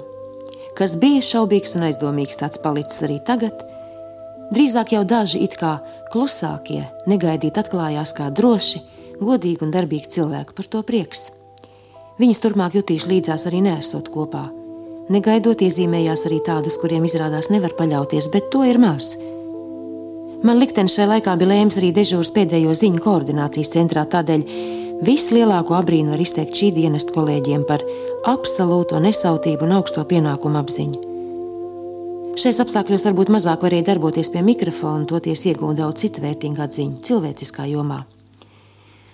Un, protams, nekad neaizmirst Rīgas sargu sejas radio mājā, Doma laukumā, Doma baznīcā pie ministra padomas, augstākās padomas. Tāpat sievietes, kas viņas baro un dzirdina ar karstu tēju, kafiju, buļļonu un arī, un arī pretpols. Politiskās izglītības namā, kur mitinās tā saucamā Vislatvijas glābšanas komiteja un laikraksta cīņa ziņa dienests, bet viss jau tāpat neizstāstīt, un tu jau, Mārtiņ, tu jau arī šīs naktas pavadīji domu laukumā, un laikam ne tikai te vien. Nu, jā, citādi jau laikam nevar. Bet šajās dienās, dramatiskajās šajās nedēļās, es tik daudz tomēr esmu ieguvis. Un, un droši vien katrs ir ieguvis un mācījies, kļuvis gudrāks un daudz ko vairāk uzzinājis par savu tautu, par saviem līdzcilvēkiem. Līja 90. gadu sākums Latvija atgūst brīvību. Brīvību, brīvu vārdu atgūst arī Latvijas radio. Es šo fragment izvēlējos, jo jūs šeit runājat arī par tiem kolēģiem, kuri bija šaubīgi, arī par tādiem kolēģiem, uz kuriem nevarēja paļauties. Kāds bija šis laiks? Šis lielais pārmaiņu laiks. Tas tāds arī bija. Īstenībā arī vārdi ir par sīkiem, jo pilnīgi nekas vairs nešķita svarīgs. Kā tikai būt šeit, darīt to, kas katram ir jādara. Un es atceros vienu telefona zvanu, turpat tajā pēdējo ziņu kambarītī zvanīja tā kā ekstrasens vai kas, ka ir sešos vakarā, ir kaut kādi draudi, varētu būt piemeklēt mūsu, un, un ne tikai mūsu vienu vecerīgu un Rīgas sargus, un ka vajadzētu norunāt tēvreizi. Un, jā, paldies. Un es aizgāju pie Labanovska, un, un viņam to pateicu. Viņš teica, nu, diktoram tā kā īsti nepiestāvētu to tēvreiz runāt. Vajadzētu aizskriet līdz domu baznīcai un ierakstīt kādu mācītāju. Un tiešām satiku tur mācītāju. Toreiz viņš vēl bija jaunais mācītājs, vēl nebija vēl, man liekas, pat ordinēts, bet nu, tā kā jaunais kalme. Un viņš man ierunāja šo tēvreizi, un sešos vakarā viņa arī noskanēja pa visu Latviju. Protams, nekas ļauns tad nenotika, un tad bija visi tie notikumi arī tajā Vislatvijas tur tajā, nu, kongresnamā. Toreiz viņi sēdēja kongresnamā, man šķiet, jā, kur mūs arī sūtīja arī nes mači, mēs tur gājām tā kā ierakstīt, un, un īsti nevarēja saprast, vai mēs tiksim ārā, vai mēs atgriezīsimies, Un tad es izdomāju tādu manā saprašanā viltīgu gājienu. Mums bija sarunāts ierakstīt arī, arī mm, es tagad domāju, nu īsi sakot, nevar jau viss pilnīgi arī drusku bālēt tās atmiņas, bet, bet bija ļoti, ļoti svarīgi, ka ka tiešām viss atkāpās, viss pārējais atkāpās. Es atceros arī pirmo ievainoto, kurš ienāca, kurš brālis viņu ieveda šeit vestibīlā. Mēs arī nes arī pirmās viņu ierakstījām, viņš bija sašauts plecā. Un tur īstenībā nevarēja saprast, vai to raidīs, jo šeit jau arī bija gan, gan Ja? Lūk, es pie tā gribēju palikt. Ja. Šeit vēl bija gan, gan. Ja. Šajā fragmentā mēs, es sadzirdu šo gan, gan, mm -hmm. ka Mhm. vēl ar vienu šeit ir šaubīgie. Jā, jā, jā, Varbūt jā. vēl ir tādi, kuri domā, ka tie vēji atkal sagriezīsies. Jā, ļoti, ļoti pat, jā, un liekas, vajadzēja ļoti uzmanīgi. dzimšanas dienā nu, ir jārunā arī paškritiski par visu, kas te ir pieredzēts. Arī. Jā, jā. Bija daudz, arī, nu, daudz nē, bet uh, bija arī tādi, kas tā kā Daudzi nē, nu, bišķi, tā kā nē, es domāju, nē, grūti pateikt. Nē, es nedomāju, ka tā īpaši nobijušos es neredzēju. Bija ārēji vismaz noteikti, nē, jo viss jau bija tā šupolēs, vai ne, nekas jau nebija vēl noteikts un, un nekas nebija līdz galam skaidrs, kurš un kā. Bet eh, tajā brīdī ar to ievainoto puisi mēs viņu ierakstījām gan, bet nu tā kā it kā, it kā neņem pretī. Ja, būtu tā kā jāraida tūlīt, ja? Un tur vajag kaut kāds atļaujas un kaut kāds parakstus. Un, un es zinu, ka Jānis Briedis no celtnieku redakcijas, viņš tur bija viens arī no tiem atbildīgajiem tajā dežūra vakarā. Viņš teica, ja, ja tas netiek raidīts, tad kāpēc mēs te sēžam, tad klapējam ciet un ejam mājās, ja? Un es vēl zvanu mētēji uz mājām, es saku, mētiņa klausies, vai skanēs vai neskanēs, jo mūs sūta mājā, jo var gadīties, ka te kaut kas notiks, vai ne, ka nāks arī uz rādio, tas jau bija vakarā. Nu, noskanēja, noskanēja, kamēr es braucu uz saviem melžiem, bija jau noraidīts. Tā kā visādi jau šeit arī gāja, bet nu, katrā ziņā arī naktis jau mēs faktiski pat esot mājā, mēs jau negulējam. Rādio visu laiku bija ieslēgts, vai ne? Un interesanti, tu it kā acis ciet, bet tu dzirdi, tu jūti, tu visu dzirdi, tu it kā guli un tā pašā laikā neguli. Tas arī tas tīri emocionālais un, un miesiskais stāvoklis absolūti mainījās. Viņš bija sadalījies divās daļās. Tie bija neaizmirstami laiki, un, jā, es vēl atceros, man abi brāļi bija pie ministra padomas, nu tur tā kā dežūrē nakti, un, un zvana man, man, man Aleksīts un saka, pasaki, pasakiet par radio, ka malka beidzās, nu tā kā augsts, un, un, un, un varbūt tas, ka, nu, kaut, vai ne? Nepagāja stunda. Viņš man zvana, lūdzu, pasaka, pietiek. Ir atvests jau tik daudz, ka vairs nav kur likt. Ja? Tā kā rādio bija tā saikne, vai ne? Visiem bija visu diennakti ieslēgts rādio. Un, uh, Līja, es klausos šajā ierakstā, ka Jūs intervējat arī Rīgas sargus, ļoti dažādas ļaudis no dažādiem Jā. Latvijas nostūriem, kur ir braukuši. Viņi stāsta, ka mājās ir palikusi ģimene un trīs bērni, bet vai nu tagad, vai nekad, un viņiem mhm. šeit ir jābūt. Un ļoti, ļoti dažādas cilvēkus jūs barikāžu dienās vecrīgas ielās satiekat, un arī dziedātāja Nora Bumbiera. Maz... Noriņa pati atskrēja. Es gribu, es gribu, es gribu ierakst man, ierakst man, es gribu pateikt, es gribu pateikt. Es teicu, ak, Dievs, tūlīt skaisti, paldies! Un dzirdēsim 91. gada janvārī arī Nora Bumbiera. Un dziedātāja Nora Bumbiera Doma laukumā. Tu pat ir pienācis pēdējais brīdis, pēdējais sauciens tautai. Un tie cilvēki, kas dzīvo mūsu republikā. Neba kādu jānospiež, bet taisni otrādi, taisnībai nekad nebūs pazust. Lai Dievs stāv ar mums, lai Dievs sveitī Latviju, lai Dievs ir ar mums. Sakiet, lūdzu, vai jums iznāca arī piedalīties kādos koncertos, kas šobrīd notiek šeit, gan ģildē pa nakti, vai arī Doma laukumā? Mēs bijām atnākuši Doma laukumu, bet šausmīgi bija slikts laiks. Bet, principā, es biju pilnīgi gatava. Es biju visu dienu šodien Doma laukumā, visu dienu.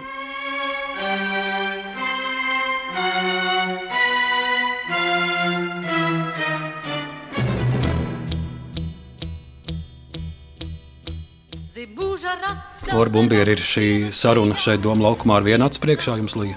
Jā. Noriņa bija vienreizē, jā.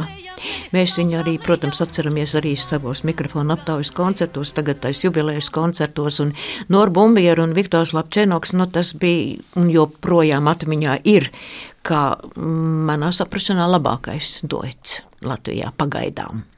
Nezinu, vai pārspējis, var jau būt. Bet, kā jau es eh, Līja minēju, ļoti dažādas cilvēkus jūs esat dokumentējusi, un arī šajos vēstures maiņu laikos eh, man bija interesanti noklausīties interviju ar eh, toreizējā partijas pirmā sekretāra Jāņa Vagra dzīves biedri. Un, Es arī šajā sestdienas raidījumā mēģināju uzrunāt Jānu Vagri, jo, jo viņš ir bijusi arī vēsturiski daudz ko pieredzējis un šos pārmaiņu laikus Diemžēl viņš atteica, un šobrīd viņš jau ir devies mūžībā, bet arī lielai mazs fragments skanot 91. gada janvāra notikumiem. Jūs esat Latvijas Komunistiskās partijas pirmā sekretāra dzīvoklī, un mazs fragments no jūsu sarunas ar uh, Jāņa Vagra kundzi Dzidru. Bet tagad ieraksts Jāņa Vagra dzīvoklī. Labdien, Vagra kundze! Labdien! Kā jūs jūtaties šobrīd? Šausmīgi! Vienkārši briesmīgi. Tas ir tik briesmīgi grūti to vispār izteikt nevar nemaz. Jūs jau paši redziet un saprotiet, kas gar jūsu namu tur notiek un gar uh, televīziju. Jūs tikāt arī staigājis un apskatījis? Protams, protams, paņēmu ar saviem mazbērniem, aizgāju, pastaigājos. Es teicu, skatieties, šis ir vēsturisks moments. Tas jums ir jāapskatās. Diez vai kādreiz vispār kādreiz kaut ko tādu varēs ieraudzīt. Tiec, to atceraties. Jūs ticat, ka uzvarēs saprāts visā šajā ellē? Ticu, noteikti ticu. Savādāk tas vispār nedrīkst būt. Ir jābūt labi. Ir visam jābūt labi. Jūs vīrs šobrīd atrodas Maskavā, vai jums iznāk droši vien arī ar viņu parunāt pa telefonu vismaz? Rītā un vakarā viņš mums zvana. Viņš tāpat tur ir uztraucies, kā saka, ne jau viņš vien tur viss ir uzvilkušies līdz pēdējiem kā stīgas. Viņš saka, ka ne ar visiem ir saspringti, viss šausmīgi pārdzīvot, kas šeit notiek. Viņa domas ir, kad ir jābūt visam labi ir jāizbeidz, jo tur arī visu dara, ko var un cik var. Veselam prātam ir jānāk uh, par visu. Es domāju, ka šis laiks kārtējo reizi apstiprina ne tikai to, ka mēs tomēr. Protams, būtu saliedēti. Ļaunai stundai bija jāatnāk kaut vai tam dēļ, vien, lai mēs par to pašu pārliecinātos savā sirdīs, cik mēs tomēr esam vienoti un stipri, ja mēs to tikai gribam. Bet es domāju, ka šīs dienas droši vien arī neviena atmiņa atsauc arī to, ka tas bija laimīgi, ka tieši jūsu vīrs bija tajā mūsu atmodas sākuma posmā partijas sekretārs Jo viņa miers un viņa izturētība, un tas, ka viņš ir latviečs, kā viņš teica, toreiz meža parkā un Latvijā neko ļaunu darījis, ja? tas bija ļoti svarīgi. Un, ja viņš joprojām atrastos šajā postenī, tad acīm redzot, mums arī daudz vieglāk ietu. Bet nu, tas laikam ir liktenis. Protams, nu, bet toreiz partijas sašķēlās un viss izvērtās tik. Nu, var teikt, gandrīz vai mežonīgi, vai ne? Toreiz jūs, kas tur notika, tas taču bija kaut kas drausmīgs. Tur jau nebija vairs iespējams ne palikt, ne strādāt, ne darboties tālāk. Vienīgā iespēja bija aiziet. Mēs te sēdējām mājā, ziniet, mēs te dzērām nervzāles un raudājām un lūdzām Dievu, kaut tā ātrāk viss tas ārprāts beigtos. Jo šeit tas nebija izturams vairāk nemaz, kas tur toreiz darījās. Šoreiz, tagad, šī momentā, kā partija tur izdarās, tas taču ir mūsu pašu Latvijai, mūsu pašu zemītei, kas tur tiek ļauns nodarīts. Tas taču ir kaut kas drausmīgs vienkārši. Līja šī saruna iespējams jums atmiņā palikusi arī tādēļ, ka stāv virs Vagra ģimenes, esot dzīvojis Rubika ģimene. Jā, tā ir.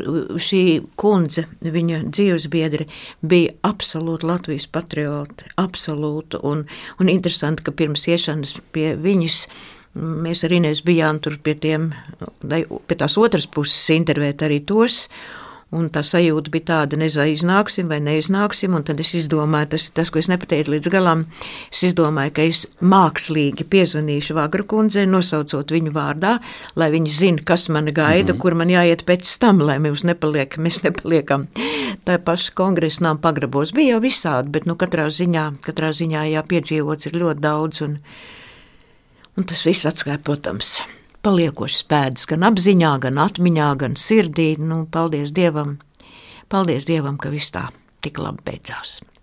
Līja, jūs esat uh, pa šiem gadiem radio, pie radio mikrofona dokumentējis ļoti daudz cilvēku, bet uh, šodien es gribu, lai kaut vai uz pāris minūtēm izskan vairāku, es pieļauju jums vissvarīgāko cilvēku pie radio mikrofona intervēto balsis. Tas būs Edvards Pāvils, tas būs Edgars Liepiņš, tas, protams, būs Imants Krastīņš, arī Pēteris Kļava. Un es sākšu ar Eduardu Pāvulu, lai skan mazs fragments no jūsu sarunas. Raidījums skan 93. gadā, bet šis konkrētais ieraksts, cik es saprotu, ir tapis 90. gadā. Un Eduardu Pāvulu jūs lī runājat par ko? Par mīlestību. Līguļevsku un Edvards Pāvils. Jūs savā mūžā esat daudz slēpts mīlestību. Jā. Tomēr, jā? Ļoti. Un kas jums ir spiedis to darīt? Padomie kārta. Padomie kārta, teiksim, tā pašā teātrī. Vai dieviņi, kā viņš spēlē, tas taču ir sentimentāli un saldi. Tā jau neviens nemīlē. Mīlē cieti, skarbi, bet nu, ko viņš tur glāsta viņu, un ko viņš tur rauda ap viņu un saka, mana mīļa, tā nē. Tā man mācīja teātri. Tā man mācīja. Bet man tā sirds ilgojās teātrī pēc īstas mīlestības. Pēc... Vīrietis tā nemīlē. Vīrietis ir skarbs, vīrietis ir noteikts, un īsta sieviete mīl skarbu vīrieti. Un skolā es varēju brīnīties, un teiksim, man kāda meitene patīk, tāds jau čabatais galīgs nebija. Bet tā meitene, kur man patīk, es Nekā, ja? Es nekā.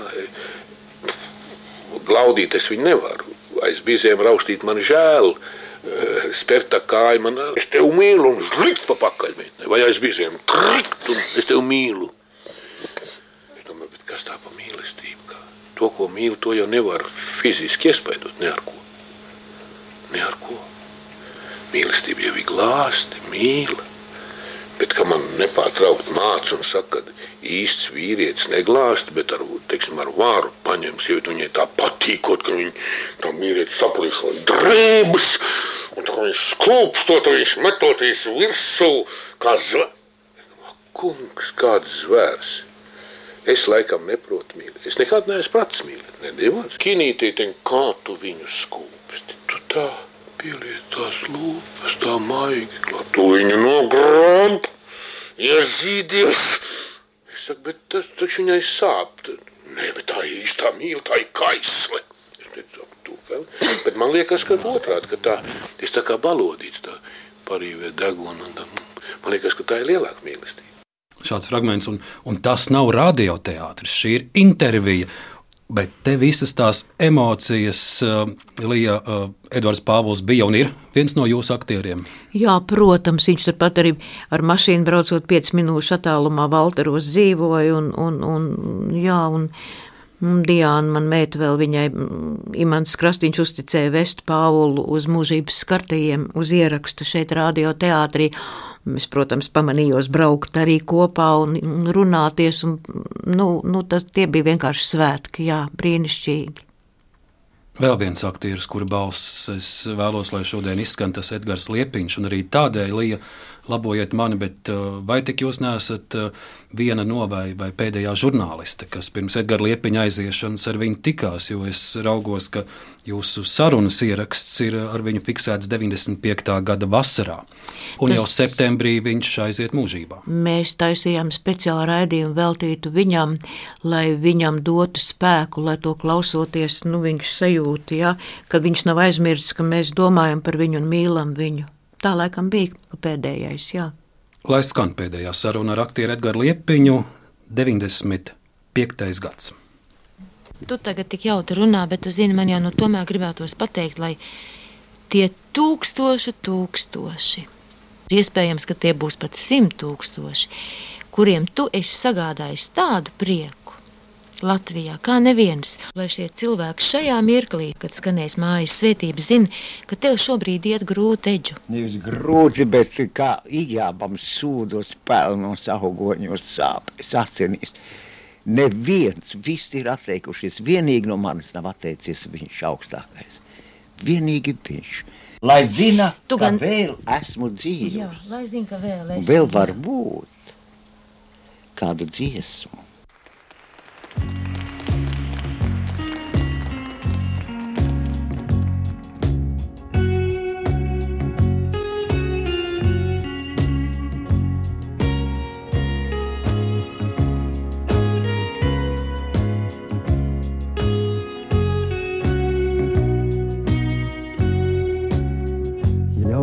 Atkal jubileju svētā, zvilgoda vietā klinders mīksts, caur gaļas kalniem viesi ēdās, un vīna upes saprāts līkst. 95. tagad? Jā. 94. ziemā es baigi strādāju. 95. Tāpēc es vēlu Latviju tautai. Es negribu runāt mana tauta, es pats esmu tauta. Patiešām jauku, jauku vasaru. Un attapties un nedomāt tik daudz par naudu. Redz, pārskatiet savus skapjus, savas lādes. Es pārskatīju, manā mūžā taču nebūs nekas vajadzīgs. Un nevajadzēs, nekrājiet mantu. Eģu, un tomēr par spīti visam saki man, vai tu kādreiz esi aizdomājies, kā tu tomēr, nu, nu ka tu tiešām varēji būt jaunāks par jaunāku. Vai tas tev nāk vai mammai vai tēvam, vai tas tev tiešām dieva dots bija? Mammai. Mammai bija dieva dots, jā, tas ir viņš. Tas ir viņš patiešām vienīgais. Kas tev var dot to enerģiju? Kas? Zeme, gaiss, kosmos, debesis. Un šī tā sīkā province visā izplatījumā. Šī tāda sīkā provincīte, kurā iedomājušies, ka viņi ir pasaules naba. Nekas tas nav. Nu, kas tu par politiķi, ja tu nezini pasauli? Muldētājs. Lūk, šādu to esi vēl pagavusi dokumentēt. Es jau līdzi pārējos tu jau raidījuma gaitā. Paldies! Bet... Es domāju, Tāpat.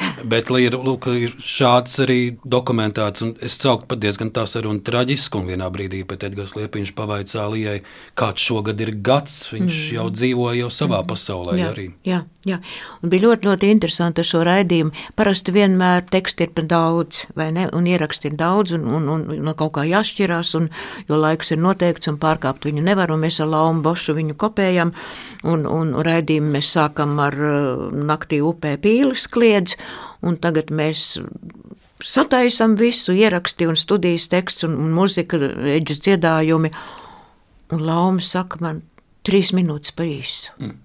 Es saku, kā? Es saku, vienmēr ir pa garu. Viņi saka, nu, trīs minūtes, ko no, un viss ir nokomplektēts. Ja? Un es stāvu un es saku, laumiņi. Taisām klasisko apaļu kompozīciju, spēlējam to naktī pīles kliedzi beigās vēlreiz. Viņa saka, kā, bet mēs jau sākām ar viņu. Es saku, spēlējam vēlreiz. Mums nav variantu, nu, nu ko mēs stiķēsim, tad skries kaut kur kaut ko grābs. Un tas kaut kā tik ļoti emocionāli nostrādāja. Nu, ārkārtīgi tā ir tāda vienīgā reize manā visu, visu daudzo gadu praksē, kad, kad šāda tiek raidījums noformēts beigās. Ja? Par Edgara Liepiņa piemiņu ir daudz gādājis arī Imants Krastīns. Jā, cepurnos. Un ar Imantu jums arī bijusi gara un cieša sadarbība pie radio mikrofona un arī ārpus radio mājas, lai šodien skan arī Imants Krastīņa balss, un es izvēlējos raidījumu Mājas svētība, kur ir stāsts par diviem jubilāriem - Imantam Krastiņam 60 un Gunāram Celinskim 70. Fragments no 2001. gada.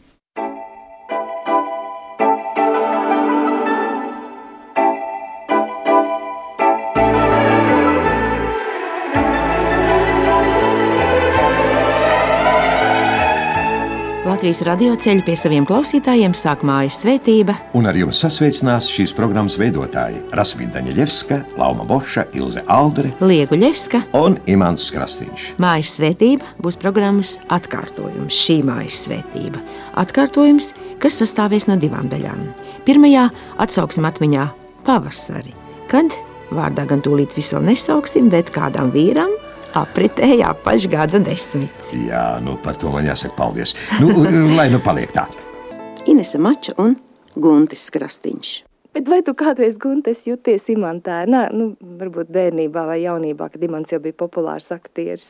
Jāsaka, no tā brīža, kopš es apzinos, imants jau gāja citās skolās un tā nebija, ka mēs bērnību pavadījām visu laiku kopā. Tas bija ļoti reti. Faktiski viņš vairāk es atceros kā tādu ciemiņu, kas sagaidīja, ka mamma cepa kartupeļu pankūks, ka no Rīgas ieradās. Un es atceros, ka es nekad nevarēju saprast to, ka viņš mācījās konservatorijā pa aktieru. Es domāju, kas viņš tagad skaitās, vai viņš ir students vai viņš ir aktieris. Bet tā kā pat līdz šim brīdim. Un man tā kaut kā es atceros, ka viņam bija 30 gadu jubileja, 40 gadu jubileja. 40 gadu jubilejā man pašam likās, nu, baigais vecis, kur jā, tagad pašam 40, jau gandrīz 50, 60, nu, tā kā tā, man tā, kaut ko es saprotu, ka kaut ko vajag vēlēt, bet mums ģimenei pieņemts drusciņi tā savādāk, es vienmēr uzskatu, ka tie ir tādi vēlējumi, tāda pieklājība forma, un es jau varētu vēlēt nezinu ko, bet mums jau tā, es jau nevienreiz vien esmu teicis, ka mēs tā, teiksim, katrā jubilejā vai tā ir 60 vai, vienalga cik vai kamēr cilvēks dzīvo, vienmēr mēs aizējam uz kapiem pie saviem vecākiem, uz meža kapiem, un tad tā mums nav, ka mēs tā satiekamies jubilejā, uzsitam pa plecu, viens otram ieskatāmies acīs, un tur arī visi tie vēlējumi ir, tie tukšie vārdi, nu, pats par sevi saprotams, nu, es taču tagad neuzskaitīšu to, ko es nu, kaisīšu vārdus, ko es no sirds vēlu, veselību. Un, jā. tā, ja. Līja, nu jau abu brāļu skrastiņu balss mēs tagad varam dzirdēt tikai ierakstos. Jā, un tad, kad mēs veidojām grāmatu Imantam Krastiņam veltītu kamolā tinējus, Eriks Kānbergs, Rita Trence arī pieaicināja mani, tad faktiski nākošajā dienā bija jānodod manuskripts, un aizgāja Guntis. Un mēs vēl paspējām pierakstīt, kad arī Guntis jau ir ielicis pēdējā vilcienā, lai brauktu pie brāļa. Nu, to tā bez zosādām nevar atcerēties. Brīnišķīgi cilvēki, talantīgi, sirsnīgi, apdāvināti. Nu, es jau nerunāšu par spēlē spēli, man tas jau ir vesela raidījuma vērts. Tā kā man tā runājot, pilnīgi zosādi uzmetās to visu atceroties. Es klausos un domāju, ka Dievs, ja es apzinos, ka man ir bijis tiešām laime satikt tik ārkārtīgi brīnišķīgus cilvēkus, bet tagad, kad to visu vēl tā atgādina tieši ar ierakstiem, Nu, liels paldies, Arni! Un arī ir vesela virkne raidījumu, kas ir palikuši Latvijas radiofonotēkā, kuri, kuri nekādi nenovecos. Tās ir jūsu līnijas sarunas ar Andriu Buļķu un Pēteru Kļāvu. Raidījuma cikls laikmetu saskarē un arī citi, bet pats pēdējais ieraksts radiofonotēkā ar Lījas Guļevskas vārdu ir reģistrēts uh, salīdzinoši nesen 2020. gadā. Latvijas radio tad ir 95, un to par raidījuma Zelta poga 35. epizode. Zelta pogu veido Līja jūsu meita Diana Sproģe. Jā, jā. Un uh, paldies arī Diānai, jo viņa arī veikusi lielu darbu, godinot ļaudis, kas ir strādājuši un atgādinot par viņiem, un arī Absolūti, ļoti jā. daudz šos Latvijas radio arhīvus šķetinot un, un, un spēlējot mūsu paudzei. Lielais skan fragments no Zelta pogas 2020. gads Latvijas radio tajā gadā 95. Zelta poga. Latvijas radio arhīva kultūra vēstures kaleidoskopā Zelta poga izrādes, balsis, dziesmas, filmas, domas un fragmenti. kas klausāmi un minami visai ģimenei kopā. Studijā Dienas proģi. Zelta poga. Labrīt, Latvijas Rādio 1 klausītāji mūsu 95. jubilejas reizē. Līdzīgi kā leģendā par karaļa Artūra bruņiniekiem, pie mūsu svētku galda sasēdušas astoņas leģendāras Latvijas radio personības, kuras šī gada laikā esam spodrinājuši kā savas zelta pogas - Marina Kostiņecka, Sandra Glāzupa, Līga Ļevska, Gunārs Jākopsons, Irēna Cērmane, Andrejs Migla. Dēla Martinsona un maistro Raimons Pauls. Arī šodien mēs būsim kopā vēsturiskos ierakstos, atcerēsimies dažādus laikus, notikumus, kas kopā piedzīvot Latvijas radio. Jūs strādājāt radio tādā mirklī, kad tam bija elitāra nozīme. Vai jūs to izjutāt, vai arī tas bija vienkārši darbs? Mikrofonā to izjūta. Es tā uzdrošinos teikt, jo mēs paudzēm mainoties, pārliecinājāmies, ka arī nākošie, kas nāca jau pēc manis, un Vīsmas Apolons un es pēc Gunārta ieņēmu viņa memoriālo galdu, man laimējās tikt mikrofonā, par ko es šodien vēl nebeidzu Dievam pateikties. Visi strādāja klausītājiem. Neviens nestrādāja, lai izceltu sevi. Attieksme jau ir ļoti, ļoti svarīga. Un klausītājs to jūt, un klausītājs mūs no sirds visus mīlēja, un mēs mīlējām klausītāju.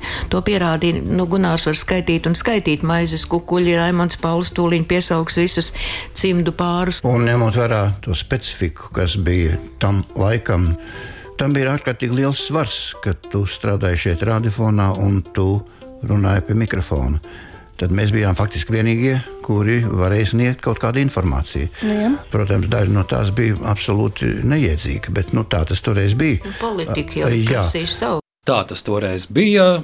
2020. gads Zelta poga un Lija uh, laikmetu kruspunktā par saviem viesiem es uh, paraugos, cik nu iespējams arī. Arī pa ciltskoku un radurakstu līniju, un tad, nu, Lija, ko nu es varēju, to es uh, sameklēju. Tāda neliela kaudzīte ar dokumentiem būs no šīs dienas raidījuma piemiņas. Es sākšu ar, ar, ar šo kundzi 20. gadā izdotā pase, vai, vai jūs Lija pazīstat šo dāmu? Tā ir mana mīļā vecmāmiņa, mana mīļā, mīļā, kas mani līdz skolai uzaudzināja un tad deva vecākiem. Tā es tur augu tajā pašā mājā, kur tagad mēs dzīvojam joprojām. Un, Un mana mīļā ir vecmāmiņa Em- Emīlija Jāņa meita. Zutis, dzimusi Pīlaga. Pīlaga, jo Jānis Pīlaks, viņas tēvs, bija lībietis, bija kungs Kroderis un šūpat uzvalku Ancuku šuva. Pat mūsu komponistiem, slaveniem, kas arī tur jūrmalā dzīvoja, man šķiet, vai Alfreds Kalniņš, tas nebija, jā, tur tāda vesela stāsta, protams, bet tā, tas jau kaut kas cits Jā, ir. Tā ir mans stāsts- mīļākais cilvēks. Oh, arī, arī nejaušība, ka tieši ar viņu es- Nejaušība es nav.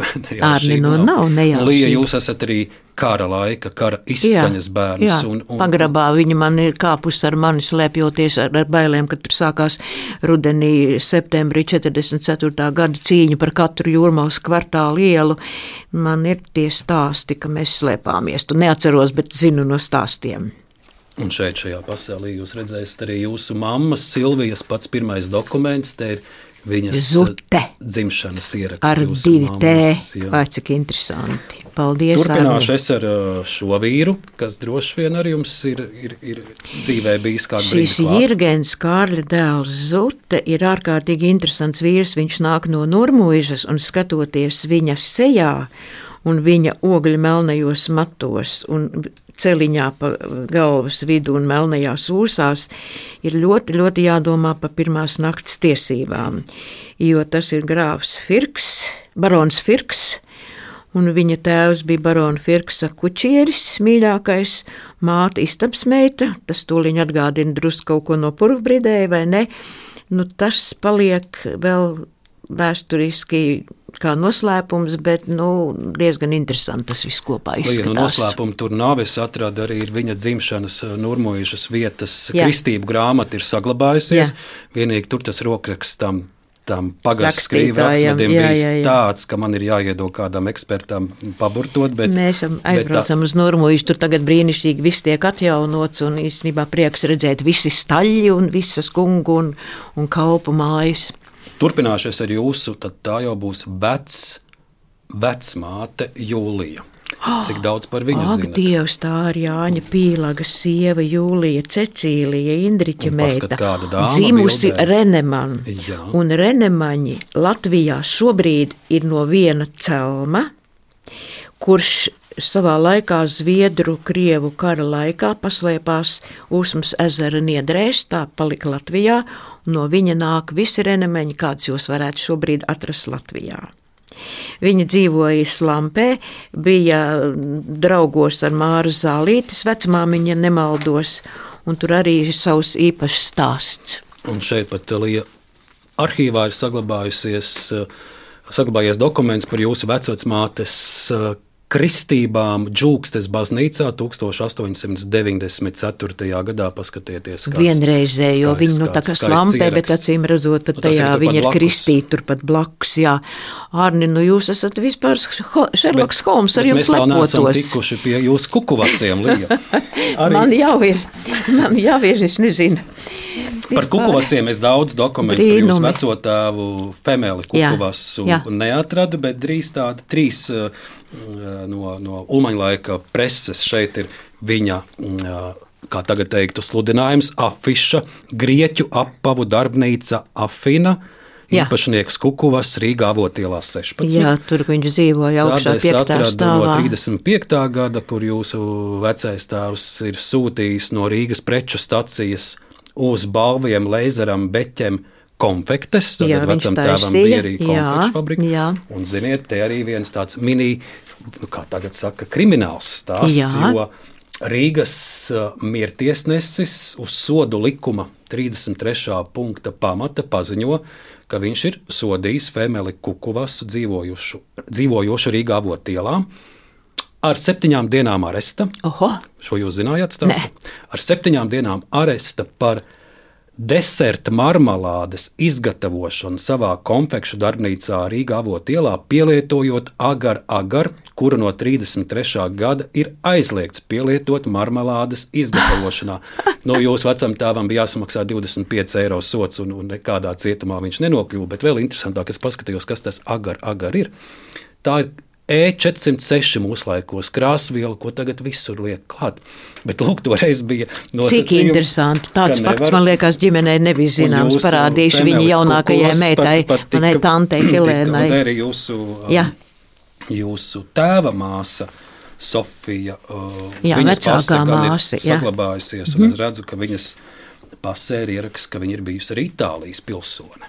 Jā, tēvs, Sofija un, uh, un vecais tēvs, viņi, viņiem bija Itālijas tā kā, nu, pavalsniecība, mm. -hmm. jo vectēvs ieradies šeit Latvijā no savas Kalimnos salas. Tajā brīdī viņu bija nu, okupējuši Itāļi, bet Grieķi uz Itāļiem nekad nedusmojās, jo viņi uzskatīja, ka Grieķi, Itālija papildina viņu kultūru. Un faktiski, tad, kad mainījās iekārtas padomu laikā, viņiem bija vidna žitiestva, tas ir tāds, nu, tā kā zīme par uzturēšanās atļauju, kur bija jāpagarina Maskavā ik pa diviem gadiem laikam, bet atjaunojoties Latvijā neatkarībai, vecais tēvs jau bija miris, bet eh, tante arī, bet mans tēvs vēl saņēma Itālijas pasi un Itālijas vēstniecības sveicienus Ziemassvētkos. Nu, man li, uh, Līja būtu daudz ko vēl stāstīt. Es jums pēc ieraksta parādīšu. Es atradu arī, ka jūsu uh, mammas tētis Jirgens 37. gadā ir saņēmis uh, arī atzinības uh, krusta goda zīmi, un par to ir ieraksts valdības vēstnesī. Un es mēģināju atrast arī jūsu tēta mammu, jūsu vecmāmu, kas ir no Latvijas puses, Marija Kurciša. Nu, tur arī izšķirstīja visu Krāslavas uh, baznīcas ierakstu grāmatu. Es viņu tur neatradu, bet grāmatā latviešu uzvārdu Ilmārs Mešs raksta, ka Kurciša uzvārds nāk no, jā, patiesi no Krāslavas puses, no Izvaltas uh, pagasta un Pamatā kurcišu uzvārdam ir nozīme ienācējs no kurzemes. Tā kā Cik kāda jums arī tie, tie gēni un senči un, un, un Arne, es vairs nebrīnos par saviem senčiem, bet es brīnos par jums. Tas ir kaut kas vienreizējs, ko jūs esat izracis, atradis. Nu, vienkārši paldies bezgalīgs, bez izmēra. Lai paldies jums, ka šodien, šādā īpašā dienā, radio dienā, esat laikmetu kruspunktā. Un, un noslēgumā es jums eh, gribu vaicāt, vai jūs pati to atminat, eh, kāda ir viena no jūsu tādām gaidām, viena no jūsu. eh, Viens no jūsu sapņiem, kur jūs gribētu piepildīt, un tam ir saistība ar šo lielo Rail Baltica projektu. Lai es ļoti ātri varētu nokļūt kaunā un doties neatkarīgi ne no kādiem pavadoņiem uz savu mīļo čurļoņu muzeju un priecāties kārtējo reizi par viņa, par viņa gleznām. Tā ir mana mīlestība no jaunības. Nu, lūk, Līja, lai pēc iespējas ātrāk pienāk tā diena, ka Līja melušos iekāps savā stacijā un pēc pāris stundām jau izkāps eh, Kaunijā un jau pavisam drīz būs eh, Čurļoņa muzejā. Es gribētu postskriptum piebilst, ka pateicoties Gunai Svencei, šogad man pēkšņi, un pateicoties Facebookam, protams, izdevās nokļūt uz dažām stundām Čurļoņa muzejā. Tas bija tāds brīnums, apmēram tikpat liels kā mūsu šodienas saruna un tikšanās.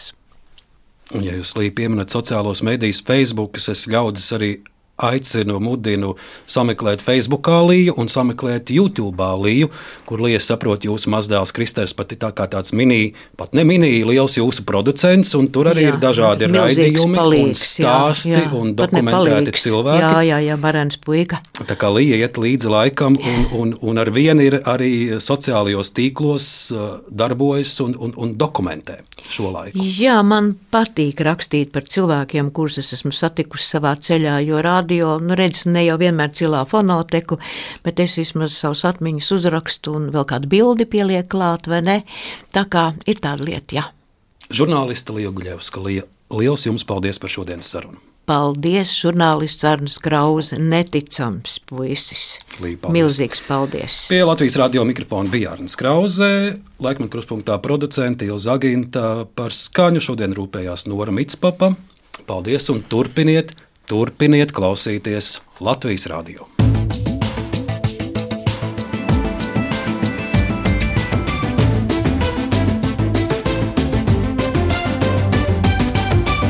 Laikmeta krustpunktā.